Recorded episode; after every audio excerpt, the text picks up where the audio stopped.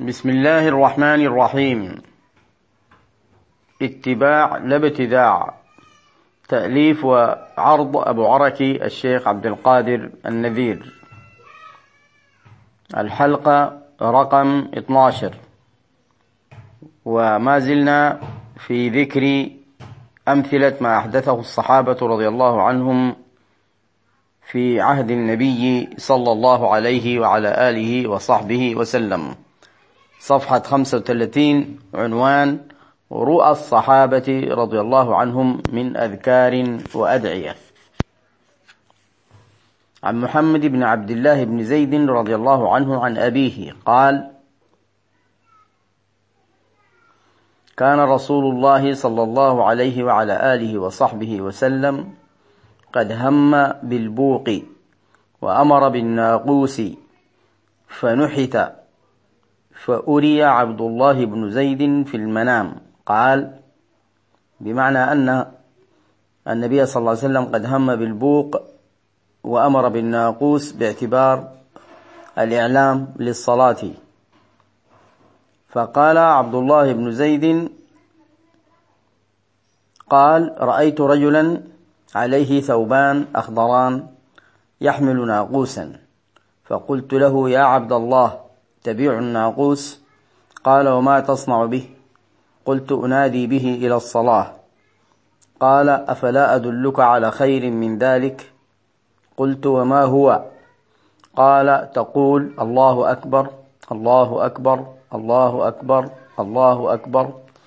أشهد أن لا إله إلا الله أشهد أن لا إله إلا الله أشهد أن محمد رسول الله أشهد أن محمد رسول الله. حي على الصلاة حي على الصلاة حي على الفلاح حي على الفلاح. الله أكبر الله أكبر. لا إله إلا الله. قال فخرج عبد الله بن زيد حتى أتى رسول الله صلى الله عليه وعلى آله وصحبه وسلم فأخبره بما رأى. فقال رسول الله صلى الله عليه وسلم إن صاحبكم قد رأى رؤيا. فاخرج مع بلال إلى المسجد فألقها عليه ولينادي بلال فإنه أندى صوتا منك. قال فخرجت مع بلال إلى المسجد فجعلت ألقيها عليه وهو ينادي بها. قال فسمع عمر بن الخطاب بالصوت فخرج فقال يا رسول الله والله لقد رأيت مثل الذي رأى.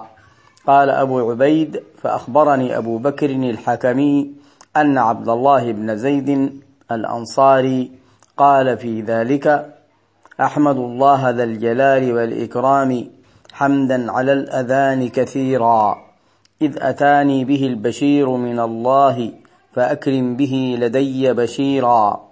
في ليال والى بهن ثلاث كلما جاء زادني توقيرا. أخرجه ابن ماجه رقم 706 واللفظ له. وكذلك الترمذي رقم 189 وأبو داود رقم 499 وهو صحيح.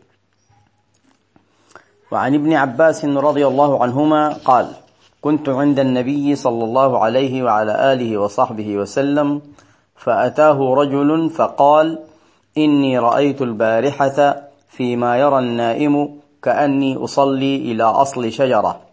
فقرأت السجدة فسجدت فسجدت الشجرة لسجودي فسمعتها تقول اللهم احطط عني بها وزرا واكتب لي بها أجرا واجعل لي عندك ذخرا. قال ابن عباس فرأيت النبي صلى الله عليه وعلى آله وصحبه وسلم قرأ السجدة فسجد فسمعته يقول في سجوده مثل الذي أخبره الرجل عن قول الشجرة. أخرجه ابن ماجه رقم 1053 والترمذي رقم 579 وحسنه وابن خزيمة رقم 562 وابن حبان في صحيحه رقم 2768 والحاكم في المستدرك رقم 799 وصححه وأقره الذهبي. وفي الحديثين الشاهد الرؤيا التي رآها أصحاب النبي صلى الله عليه وعلى آله وصحبه وسلم وكان فيها نوع من الأذكار. وعن ابن عمر رضي الله عنهما أن رجلا رأى فيما يرى النائم قيل له بأي شيء أمركم نبيكم صلى الله عليه وسلم؟ قال أمرنا أن نسبح ثلاثا وثلاثين ونحمد ثلاثا وثلاثين ونكبر أربعا وثلاثين فتلك مئة. قال سبحوا خمسا وعشرين واحمدوا خمسا وعشرين وكبروا خمسا وعشرين وهللوا خمسا وعشرين فتلك مئة. فلما أصبح ذكر ذلك للنبي صلى الله عليه وعلى آله وصحبه وسلم فقال رسول الله صلى الله عليه وسلم افعلوا كما قال الأنصاري أخرجه النسائي رقم 1351 وهو حديث صحيح. وكذلك الشاهد فيه تلقين الأذكار بعددها في رؤيا منامية لصحابي من أصحاب النبي صلى الله عليه وعلى آله وصحبه وسلم وإقرار النبي صلى الله عليه وسلم لذلك. استعمال ما يضبط أعداد الذكر. عن صفية رضي الله عنها قالت دخل علي رسول الله صلى الله عليه وسلم وبين يدي أربعة آلاف نواة أسبح بها. فقلت لقد سبحت بهذه. فقال ألا أعلمك بأكثر مما سبحت؟ فقلت علمني. فقال قولي سبحان الله عدد خلقه. أخرجه الترمذي رقم 3554 والحاكم رقم 2008 وقال صحيح الإسناد ولم يخرجاه.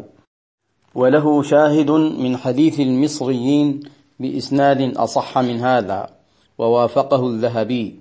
وأخرجه أبو يعلى رقم 7118 قال في روضة المحدثين عند الحديث 4967 قال الحافظ ابن حجر في نتائج الأفكار واحد تسعة وسبعين حسن.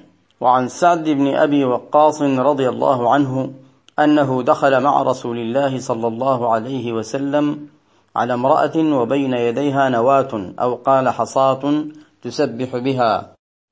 فقال ألا أخبرك بما هو أيسر عليك من هذا وأفضل؟ سبحان الله عدد ما خلق في السماء وسبحان الله عدد ما خلق في الأرض وسبحان الله عدد ما بين ذلك وسبحان الله عدد ما هو خالق. والله أكبر مثل ذلك والحمد لله مثل ذلك ولا حول ولا قوة إلا بالله مثل ذلك. أخرجه الترمذي رقم 3568 وحسنه. فقد أقر النبي صلى الله عليه وعلى آله وصحبه وسلم على هذا الفعل ولم يمنعه. إنما أشار إلى كيفية أفضل. ففي الحديثين شاهد لما أحدثه أصحاب النبي صلى الله عليه وعلى آله وصحبه وسلم من عند أنفسهم مما يضبطون به عدد الذكر. ونواصل إن شاء الله تعالى.